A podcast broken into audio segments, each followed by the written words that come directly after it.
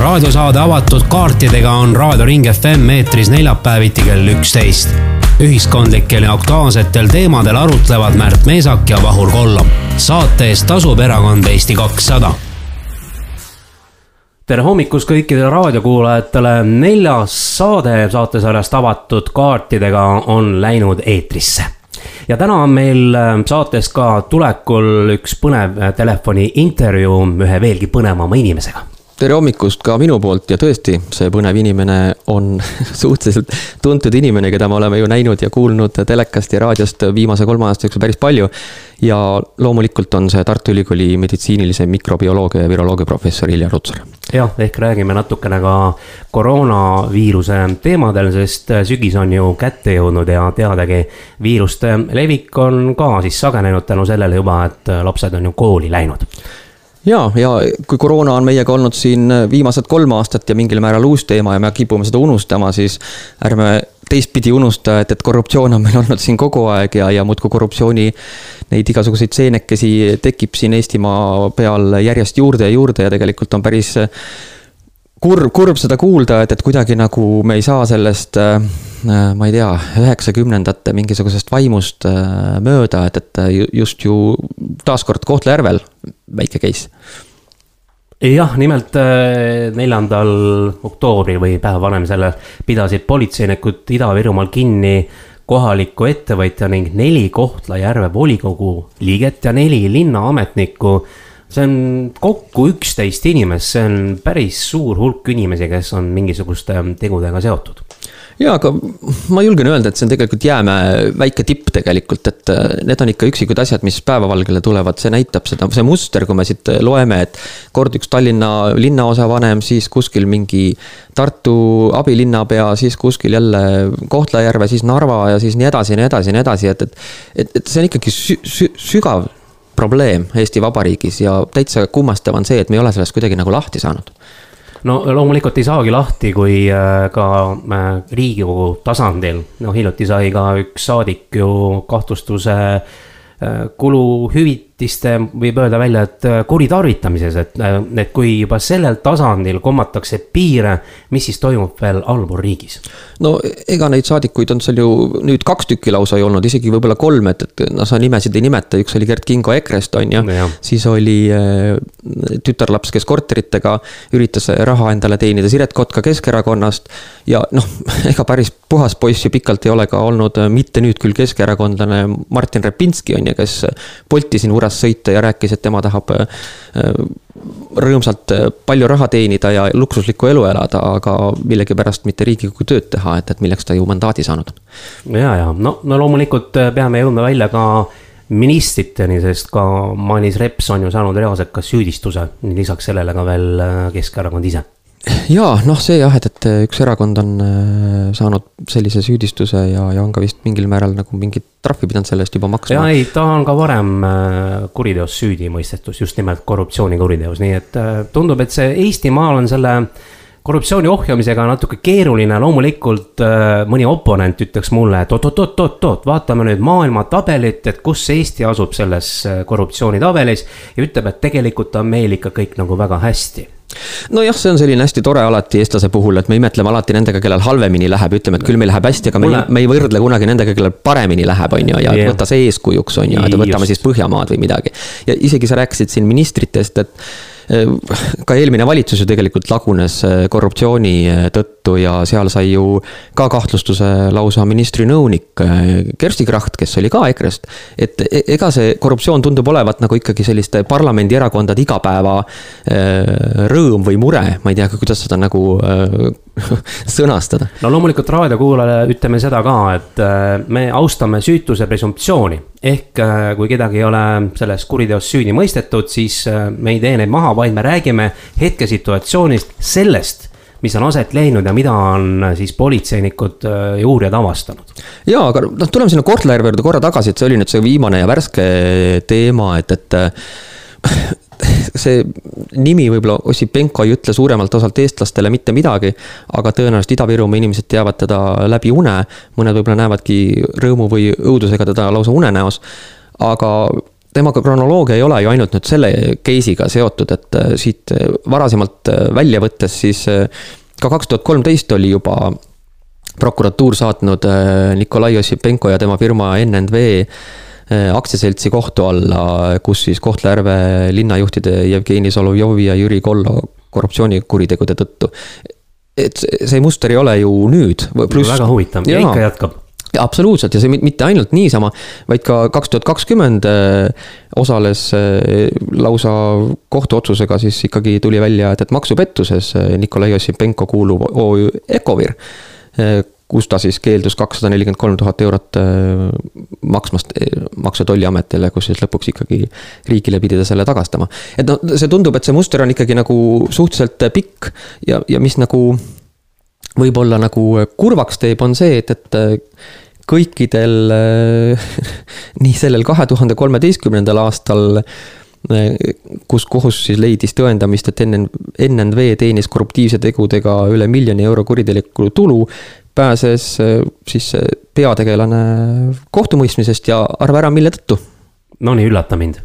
no sellesama tõttu, mille tõttu teda praegu kohtumõistmisest tõenäoliselt jälle pääseb, oli tervisliku seisundi tõttu, ehk kümme aastat läks mööda, mees jõudis igasuguseid asju edasi toimetada, aga kohtu alla teda millegipärast nagu tervisliku seisundi tõttu anda ei saa, et mul tuleb siin hea markantne näide meie suure juhi ja õpetaja Edgariga võrdlus. et äh, täitsa, täitsa murettekitav on ikkagi see, et, et Eesti Vabariigis võid sa teha igasuguseid asju. isegi sind võidakse noh, mingil määral öelda, et jah, on näha, et, et sa oled nagu süüdi, aga siis ütled, et sorry, ma olen haige ja tegelikult ma ei vastuta mitte millegi eest. ma mäletan, et kunagi, kui see protsess algas, siis paljud asjatundjad ütlesidki niimoodi, et, et selles case'is nagu kohtulahendini ei jõutagi nagunii juba, juba öeldi niimoodi ja no kurb küll, aga nii läheb ka, et see ei ole nagu päris see riik, kus me tegelikult elada tahame. õigusriik näeb ette ka konkreetse kuriteo eest ikkagi karistust. absoluutselt ja noh, siin vaadates seda terviseteemat, et siin just ka tegine endine riigiprokurör ja jurist äh, Steven Kristo Hävestus on ju ka väga huvitava sellise lisaklausli siia toonud, et, et, et ta seab nagu kahtluse alla, et, et miks kohus noh miks kohus leiab, et eh, nagu kinnipidamisasutuses ei ole tagatud inimestele tervise selline teenused on ju, et. et kõik ametnikud on ka kinnitanud, et Eestis kinnishoiuasutustes on eh, see kõik ilusti tagatud. aga millegipärast kohus arvab, et ei ole. et kas me siis nagu umbusaldame oma vanglateenistuse tervishoiu korraldamist eh, või, või noh, kus, kuskil on see nagu noh, kui see pendel läheb nagu kuidagi nagu lappama. midagi natuke kreenis kuskil. et, äh, aga noh, ütleme, jõuame ikka lõpuks välja selleni, et äh, kes on seadusandja. ja kui seadusandja poolt on need reeglid nagu konkreetselt kehtestamata, siis jäägi ametnikel muud üle, kui nendest lähtuda ja kohus teeb sellest veel oma tõlgenduse ja, ja tihtilugu on ka veel see variant. Äh, mida näiteks siin nii mõnigi erakond on teinud, et hakatakse ähm, näiteks süüdistajat või prokuröri lihtsalt ründama oma ametivõimu kuritarvitamises, mida tegelikult ei toimu, sest ta teeb ju seaduse alusel oma toiminguid. ja, ja noh, siin on ka selline selle poliitiku või siis ametniku enda vastutuse võtmine ka, et, et noh, näiteks Kohtla-Järve äh, abilinnapead ju keelduvad tagasi astumast, et mm -hmm. tegemist on siis, siis Evelin Daniloviga, kes sotsiaalvaldkonna abilinnapea oli. no see oli seesama, ma lugesin kommentaari ka selle kohta, et peamine argument oli süütuse presumptsioon ja just ja teine oli Vitali Borodin, kes oli siis ka Reformierakonna liige Eh, kes siis vastutas majandusvaldkonna eest, et, et päris sellised eh, tugevad eh, abilinnapead ja, ja päris liidri koha peal ja noh, nad ütlevad, et nad ei näe mingit süüd. ja enne ei juhtu mitte midagi, et nad töötavad rõõmsalt meie kõigi hüvanguks siis maksumaksja rahaga edasi. ei no eks väga paljude puhul on see ka, et kui seda avalikku huvi nagu ei ole, kui meedia äh, sellele jõuliselt tähelepanu ei juhi, ega siis midagi ette ka ei võeta. ja see on väga hea, et sa selle sisse tõid, sest tuleme, tuleme nüüd veel ühe lähema äh, kaasuse juurde, kus siis äh, Liisa Pakosta muinsuskaitseameti volinikuna kuidagimoodi nagu hammasrataste vahele jäi, et ma lugesin ja proovisin ka seal nagu aru saada, et, et. no tema ütles ühe kommentaari, et talle tehti ära. noh, jah, seda võib võtta nagu kahe, kahe otsapidi, ma olen nagu osaliselt nõus, osaliselt mitte. et eks ta on selles mõttes süsteemi ohver, et, et ma arvan, et Eesti Vabariigis, miks seda korruptsiooni nii palju on, et, et meil, meil see süsteem on lihtsalt nagu mäda see lihtsalt on nagu nii mäda, et ja, ja miks ta on mäda, ei ole mitte selles, et poliitikud on tohutult äh, pahad, vaid mulle tundub seda, et, et Eesti riigis juhivad Eesti riiki ametnikud. Nad kehtestavad mingisugused toredad seadused, reeglid, poliitikud neelavad need mõnusalt alla, sest keegi ei viitsi reaalselt Eesti riiki juhtida. tänastest juhtidest, noh, me näeme nendest kriisidest, kus lihtsalt on nagu oldud, oldud, oldud. aga äh, ma kohe segan siia vahele, sellepärast et äh, lõpptulemusena see näitab ju ära ka poliitikute kehva kvaliteeti. absoluutselt, sinna ma tahtsingi jõuda. suuda, suuda nagu aru, aru saada, mida ametnik neil on ette söötnud. igal juhul viimased viisteist, kakskümmend aastat on meil ikkagi keskmise poliitiku äh, selline kvaliteet ja kuvand ikkagi suhteliselt halb, noh, me nimetasime siin ka ju mingeid riigikogu saadikuid on ju. et noh, mitte, et neile nagu inimesena liiga teha, vaid lihtsalt nende pädevus seab ju kahtluse alla, et kumba, kummaga ta rohkem tegeleb, kas sellega, et Eesti Vabariigil ja maksumaksjal ja inimestel läheks Eestimaal hästi või sellega, et temal oleks rahakott nagu täidetud. et noh, see, see küsimus jääb ju alati õhku et.... no see on nagu kogu aeg käib niimoodi, riigikogu tasand, kuluhüvitised ja, ja katuserahad ja nii edasi, et see on kõik olemas. ja ma tean kindlasti ka seda, et äh, ühes saates me võtame selle korruptsiooni teema veel tõsisemalt ette ja helistame kindlasti ka Steven Risto Evestusele, kes on siis äh, korruptsioonivaba Eesti mm, üks juhatuse liikmetest. ja, ja sest noh, nagu me alguses ütlesime, et, et äh, koroona on kolm aastat olnud, korruptsioon on meil olnud need kõik need aastad ja tegelikult on pikas perspektiivis vaadates, et kui ka Irja Lutsar rääkis, et koroona me äkki võidame, siis äh, tahaks nagu väga loota ka, et, et Eesti Vabariik võidab ka selle korruptsiooni teema ja ma arvan, et kuidas me võidame, on ikkagi see, et, et me peame hakkama hindama oma poliitikute kvaliteeti ja vaatama, keda me oma esinduskogudesse valime ja mitte neid tagasi valima, kes nagu äh, mingisuguse jamaga on hakkama saanud, et äh, ma ei, ma ei taha nagu valijale ka liiga teha, aga lihtsalt natuke rohkem süvenemist ja vähem populismi uskumist ja vaadates nende ja vaadates ka ajaloos nende inimeste ajalugu, et mida nad nagu teinud on või kust nad nagu tulnud on. Äh, ma korra tulen selle korruptsiooni juurde nüüd tagasi, et äh, kunagi kõrgkoolis meil, meile sotsioloogia õppejõud ütles väga hästi mm, kuritegevuse kohta et see on, oli, see on alati olnud, see oli ja jääb, aga need pügalad, mis üles-alla käivad, näitavad ära kas äh, seadusandlusega on kõik hästi või mitte hästi. no tänasel päeval võime öelda, et äh, neid reegleid tuleb muuta. teisalt, kui me näeme, et nii palju asju on välja tulnud, see näitab seda, et ametnikud, politseiametnikud ja uurijad teevad ka head tööd muidugi nad teevad, aga noh, selle peale jälle ei saa nagu puhkama jääda, arvates, et nüüd, kui need neli, neli juhtumit siin suuremat äh, välja tulevad, et siis nüüd Eesti saab korruptsioonist puhtaks, et ma arvan, et politseinikud ja uurimisametnikud tegelevad tagajärgedega, alati tuleb mm -hmm. asju ennetada. ennetamine on see, kui me räägime siin viiruse ennetamisest, kui me räägime äh, purjus peaga alkoholiga, purjus peaga rooli istumisest, et me peame ennetama, et see, kui me tabame juba kellegi nagu joobes juhina roolis, see on tegemata töö see on, see on tagajärg. jaa, see on tagajärg, et mida vähem tagajärjega tegeleda ja pigem tegeleda selle ettevaatava asjaga, seda kasulikum on, ehk see pikk plaan, on ju, et me peame mm -hmm. nagu jõudma selleni, et, et kuidas me näeme Eesti riiki tulevikus kümne, viie, viieteistkümne ja nii edasi pärast. ja loomulikult tuleb, nagu sa ennem ütlesid, ka eeskuju võtta nendest arenenud riikidest, kus on need äh, tasemed, korruptsiooni tasemed hoopis äh, madalamad äh, ja vaatama, kuidas nemad selle saavutanud on, sest tegelikult on ju kõik näited olemas, mida teha on ka olemas, et tuleb lihtsalt seadusandja poolt kehtestada, kui huvi selleks puudub või teadmine või tahtmine ma ei taha öelda, et tarkust üldse ei ole, ma kaldun pigem arvama seda, et seda kõike on tahtlikult on kõik tegemata jäetud nojah, osaliselt tahtlikult, osaliselt ikkagi nagu ka teadmatusest me räägime, jõuame sinna kvaliteedini jälle, on ju, et. et kui siin riiki juhivad poliitikud, kes väga suurt huvi ei tunne, kuidas riigil läheb, siis tegelikult hakkavad juhtima ametnikud, kes on varjus, kes ei pea millegi eest vastutama. Nemad saavad oma noosi kätte, jagavad seda kõigi vahel rahulikult võrdselt ära, on ju. ja siis, kui mingi jama tuleb, siis lihtsalt poliitik lüüakse nagu selles mõttes nagu, võetakse pea maha.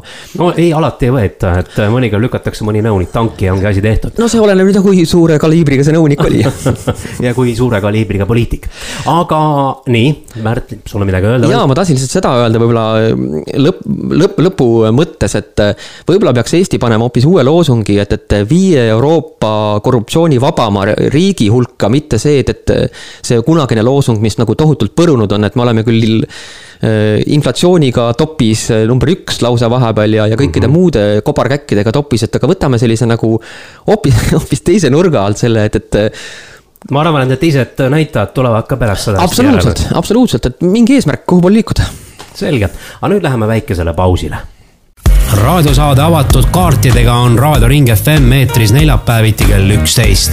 ühiskondlikel ja aktuaalsetel teemadel arutlevad Märt Meesak ja Vahur Kollom oleme nüüd väikesel pausil tagasi ja järgmine teema või järgmisel teemal, millele me avame kaardi, on äh, meie energiaküsimused ja võib-olla esimene asi, mida käsitleks, on seesama universaalteenus. aga Märt, ütle nüüd ära ausalt, et kuidas sulle ärimehena tundub, kas sinu jaoks on kõik nüüd hästi või on äh, läinud hullemaks, kas kuidagi on tunda ka ettevõtjal mingisugustki tuge antud olukorras? Nagu aitäh, Vahur, et sa minu pärast nagu muretsed. ikka, ikka. ma arvan, et ettevõtja vaatest küll nüüd kuidagi hästi ei lähe, sellepärast et kõik see suur äh, jutumull nagu ta alati on olnud, osutus ikkagi nagu tühjaks mulliks. alustaks sellest, et äh, mingid mikro- ja väikeettevõtjad pidid mingit soodustust saama, no ma ei ole sellest midagi kuulnud ja ma ei tea. ja ma sain isegi aru, et, et äh, siin on lausa kaubanduskoda ise seda kritiseerinud, et a la selle eelnõu jõustudes peaks elektrimüüja hakkama ise eh, siis kindlaks tegema, kellel on õigus seda universaalteenust saada ja mitte, mis on nagu väga, väga naljakas, pluss.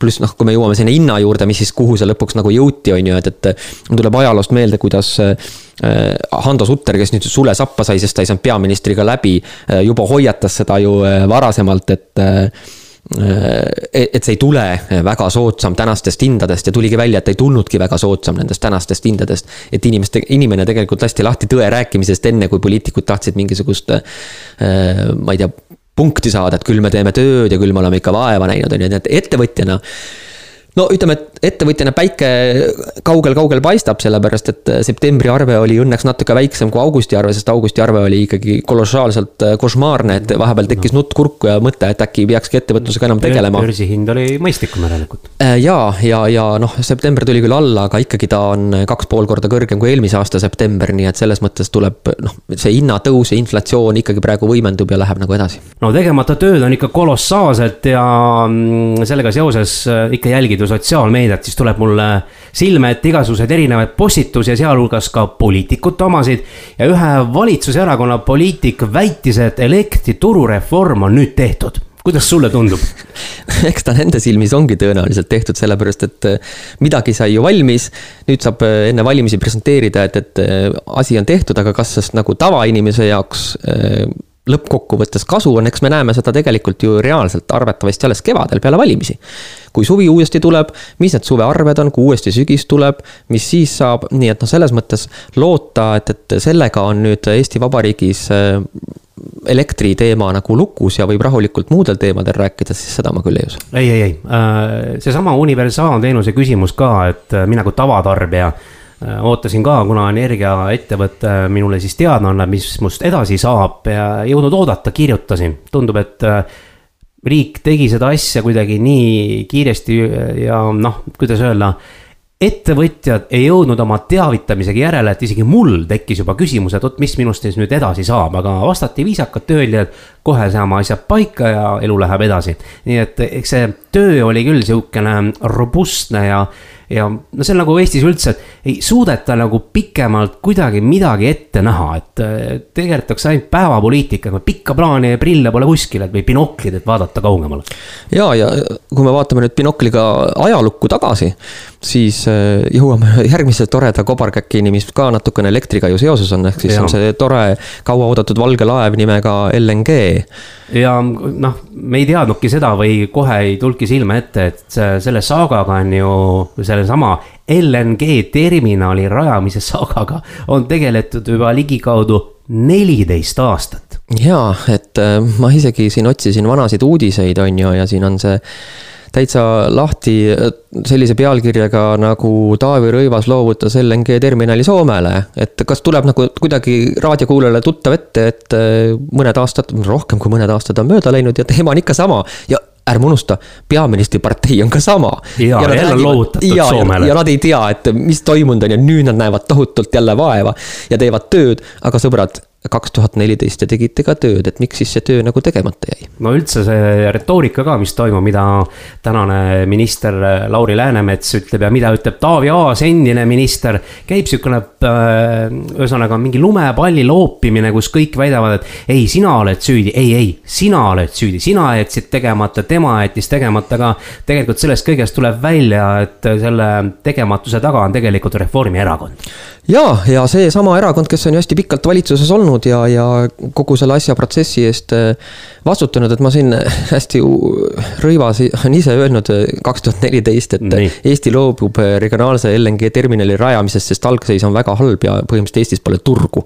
palju õnne siis Eesti Vabariik, et turgu ei ole. ja me ei aja... näe pikemat plaani ka selles osas, et äh, hirmus, hirmus tore on sõltuda Vene gaasist, on ju, seda me ju sellel ajal ei näinud, on ju ei no selles mõttes väga hea oli sõltuda, sest ka Euroopas on ju juba välja avalikult. kõik on harjunud sellega, mõnus on ju. jaa, julgelt öeldud, et äh, me oleme Euroopas lihtsalt ära äh, harjunud heaeluga, kus äh, me saame Vene gaasi ja elektrit ja naftat ja kõike muud ja siis Hiina odavat tööjõudu ja küll meil on, küll me oleme targad ja tublid.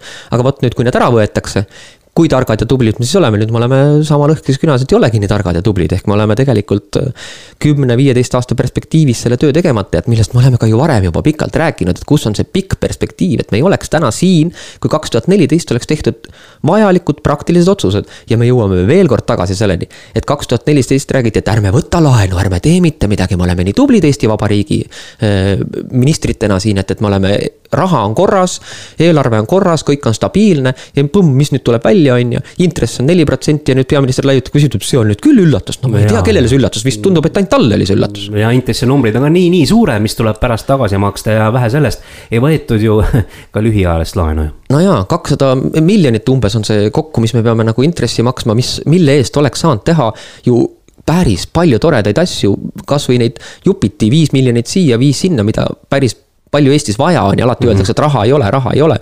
aga, aga, aga muuks nagu on, et noh, ma vaatasin siin veel selle LNG terminali teemal, miks siis nagu seekord nüüd see nagu ära jäi, et kui eelmine kord nagu Taavi ütles välja, et, et Taavi Rõivas, siis ma rõhutan, sest nüüd on, tuleb teine mängu teine Taavi, on ju, et tundub, et Taavid on meie jaoks nagu kuidagi teeme nii, et kes, kelle nimi on Taavi ja raadiot kuulab, siis ärge võtke isiklikult, lihtsalt poliitikud Taavid on mõnikord sellised. ja no kaks tükki tundub jah, et, et ma ei tea, kas Taavi Veskimäge enam saab poliitikuks nimetada, on ju, aga eks ta on endine poliitik.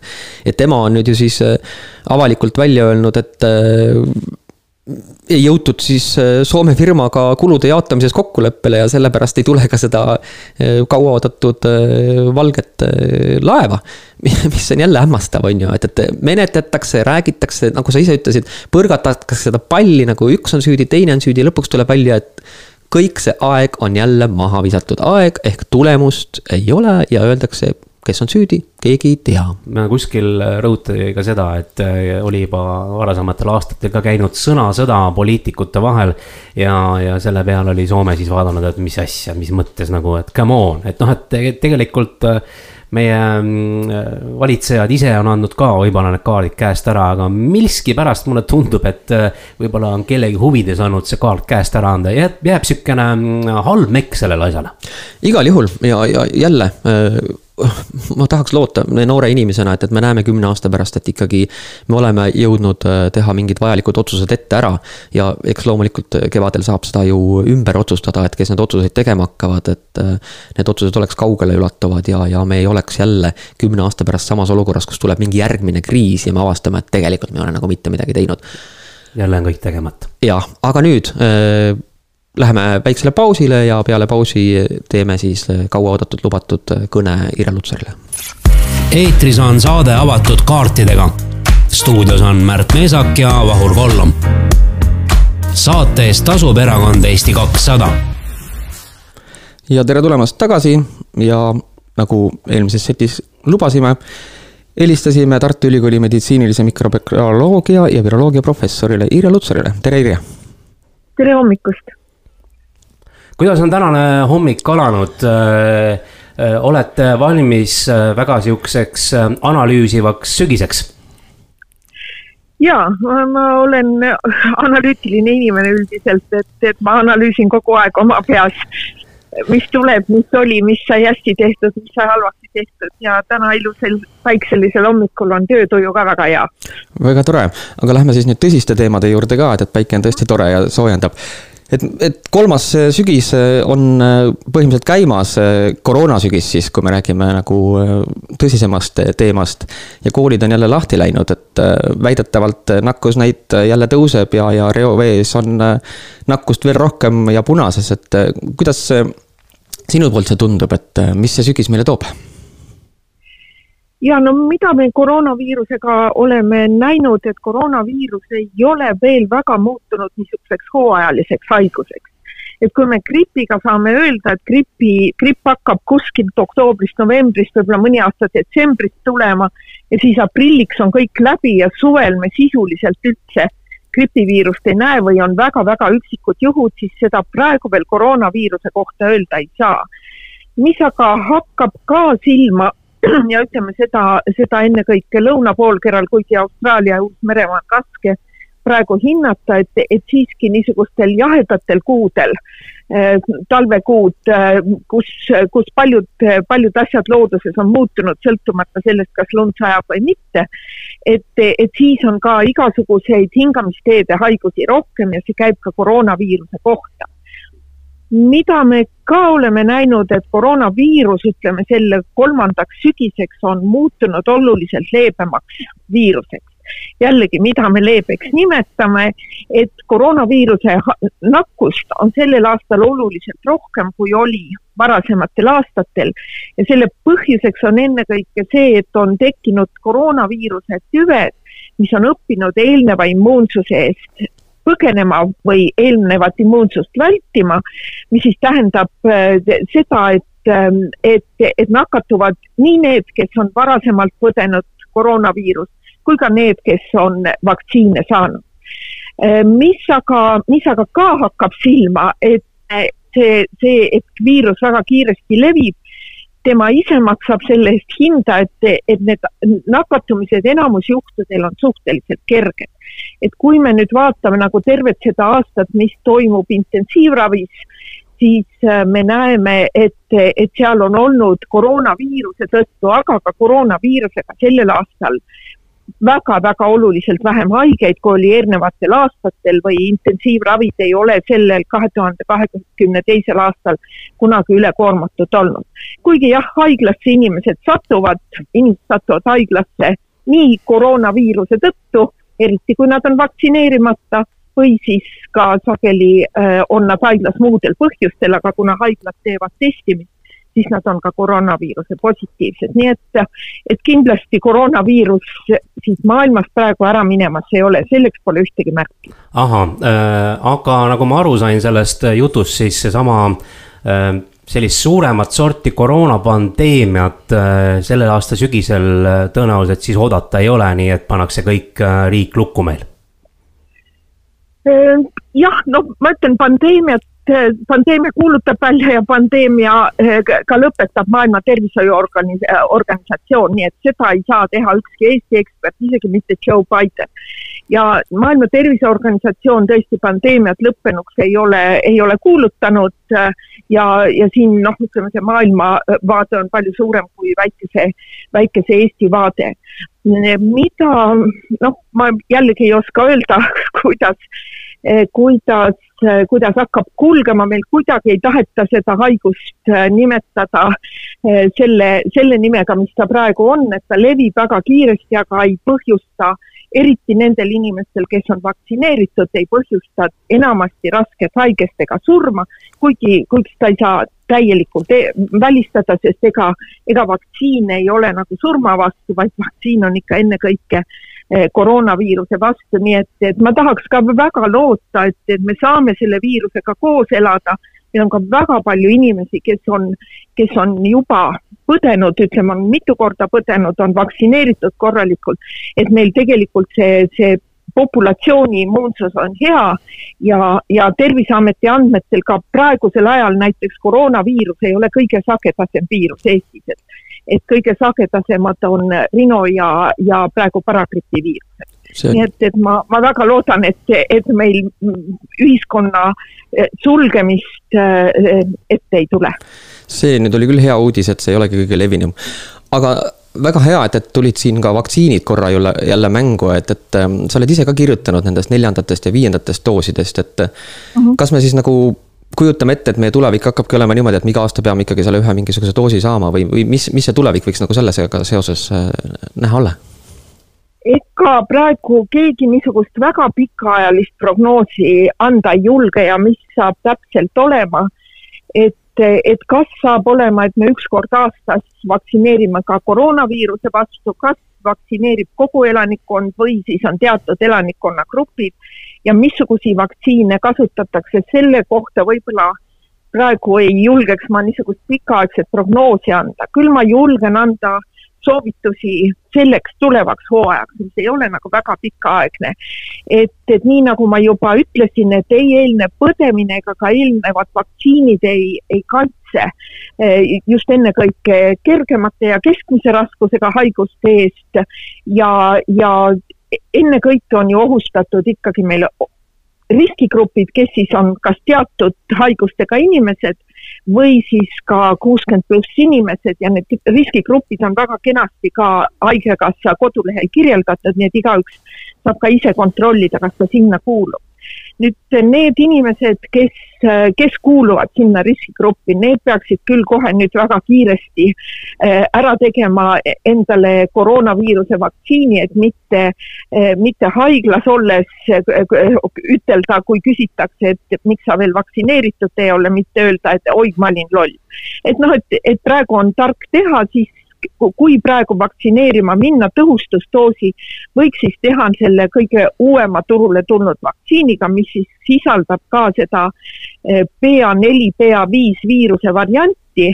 Eh, ja, ja praegu kõik ringlevad variandid on, ei tule mitte enam siis algsest Wuhani tüvest, eh, vaid nad kõik pärinevad nüüd ühest järgnevast tüvest, mille nimi on BA2 sam-, niisamuti ka PA neli viis on tegelikult PA kahest tulnud ja selles, selles vaktsiinis, kus on see PA neli ja viis sees, selles on, sellel vähemalt on potentsiaal kaitsta kõige paremini praegu ringlevate tüvede eest, mis tulevikus tuleb, seda me eh, nii, nii kaugel teadus ei ole ja nii targad inimesed ei ole, et me oskaks nagu ette näha, kuidas viirus edasi liigub, nii et et riskigrupi inimesed võiksid küll täna ilusa päiksepaistelise ilmaga kohe vaktsineerima minna, kui nad ei ole juba vaktsineeritud see oli küll väga hea meeldetuletus äh, kõikidele raadiokuulajatele ka, et ähm, olge hea, kes on riskigrupis, minge vaktsineerima. aga hea uudis oli ka see, et on lootus, et riiki enam lukku ei panda ja saame siin äh, oma eluga kenasti Eestimaal edasi minna. aga läheme natukene nüüd ajas tagasi ka, et ähm, võib-olla on tagantjärele keerulisem hinnangut anda, aga võib-olla lihtsam. et ähm, kõik see ähm, otsustusprotsess, mis on sellel koroonaperioodil toimunud, on toimunud ju seaduste alusel. Ja väga paljuski äh, on need seadused olnud äh, auklikud ja nii edasi, kas te olete kursis sellega, et kas tänasel päeval on riigikogu selle olukorra parandamiseks ka midagi ette võtnud? no ma tean, et tegeldakse see nakkushaiguste ennetamise ja tõrje seadusega, mis lühendis on NETS, et, et sellega tegeldakse, aga minu arusaamist mööda noh, seda praegust varianti on ka õiguskantsler, aga, aga ka mitmed teised nagu te, terve rida küsimusi selle variandi kohta esitanud, nii et, et minu teada praegu vist väga, väga tugevalt sellega ei tegelda ja, ja sellega ma olen küll väga nõus, et me peame nagu Eh, nagu oma seadused väga, väga korralikult selles mõttes paika saama, et me ei, me ei saa seadusesse panna nagu seisukohti, et iga köha ja nohu kvalifitseerub haiguse alla, mis nagu lubaks eh, riigi lukku panna. Ja samas me ei saa lubada endale ka olukorda, et meil tõesti väga ohtlikud haigused äh, nagu ringlevad ja me seaduste järgi nagu mitte midagi teha ei saa. Et ega teatud meetodid me ikkagi teame, mis väga hästi töötavad ja ütleme, see, see riigi lukkupanek see oli ka sellel kaks tuhat kakskümmend kevadel oli kindlasti, kindlasti näidustatud, sest meil oli täiesti uus kõrge suremusega kiiresti leviv haigus, millega me tegelikult ei teadnud, mida tegema peab, et niisugused ajutised, et ma nimetaks neid dramaatilisteks võteteks, peaksid ka olema, olema seaduslikud, aga, aga samas jälle need ei tohi igavesti kestma jääda, sest et et, et ega, ega sellel niisuguse kriisi lukku panemisel on ka oma tagajärjed, eh, mida, mida, mida võib olla, ka hiljemalt näha, võib-olla ka eh, mingil määral, kui me praegu vaatame seda ka inflatsiooni, siis siis ega sedagi saab kaudselt ju, ju riigi lukkupandmise kompenseerimisega siduda, nii et, et, et, et need seadused peavad olema äh, väga hästi läbi kaalutud, et seal ei oleks, et ei antaks liigset võimu just, just inimeste tegevuse piira, piiramist, piirangute kehtestamisele, aga samas ka, et, et meil ei, viirused asja või bakterid asjatult inimesi ei tapaks. Sellise tõdemusega on väga hea otsad kokku tõmmata ja, ja tõdeda, et loodame, et me oleme enda vigadest siis tuleviku vaatest õppinud ja oleme valmis ka tulevikus mingeid seadusemuudatusi ikkagi kiiresti rakendama ja me ei unustaks uute probleemide pealetulekul eelmiste probleemide lahendamise käigu. aga aitäh igal juhul Tartu Ülikooli meditsiinilise mikrobioloogia ja viroloogia professor Irja Lutsarile. aitäh. ja, ja ma tuletaks veel lugejatele ka või kuulajatele ka meelde seda, et lisaks koroonaviirusele on kindlasti ka gripp et, et ja koroonavaktsiini ja gripivaktsiini võib korraga teha, et kui te juba vaktsineerima lähete, jällegi kui te riskigruppi kuulute, siis tehke see kaks vaktsiini korraga ära, siis on talvel vähemalt rahulikum. nagu öeldakse, siis on asi ants jah, siis on asi ants. aitäh igal juhul, kena ja, päeva. aitäh teile ka ja kõike head nägemist. Raadiosaade avatud kaartidega on Raadio Ring FM eetris neljapäeviti kell üksteist ühiskondlikel ja aktuaalsetel teemadel arutlevad Märt Meesak ja Vahur Kollom. saate eest tasub erakond Eesti kakssada. ei olemegi väikeselt pausilt tagasi ja oma saate viimase osa juurde jõudnud. ärme unusta, kindlasti raadiokoolil ei tohiks ka unustada, et, et selles äh, valimisperioodis on kõik parlamendierakonnad kandnud äh, poliitilist vastutust, sest kõik on, kõik, mitte ükski neist ei ole olnud kogu aeg opositsioonis ehk kõik need erakonnad on olnud valitsuses. Neil on olnud võimalus äh, viia läbi muuta. muutusi. jaa, just ja, ja millegipärast siis neid muutusi ei ole, et üks rohkem, teine vähem.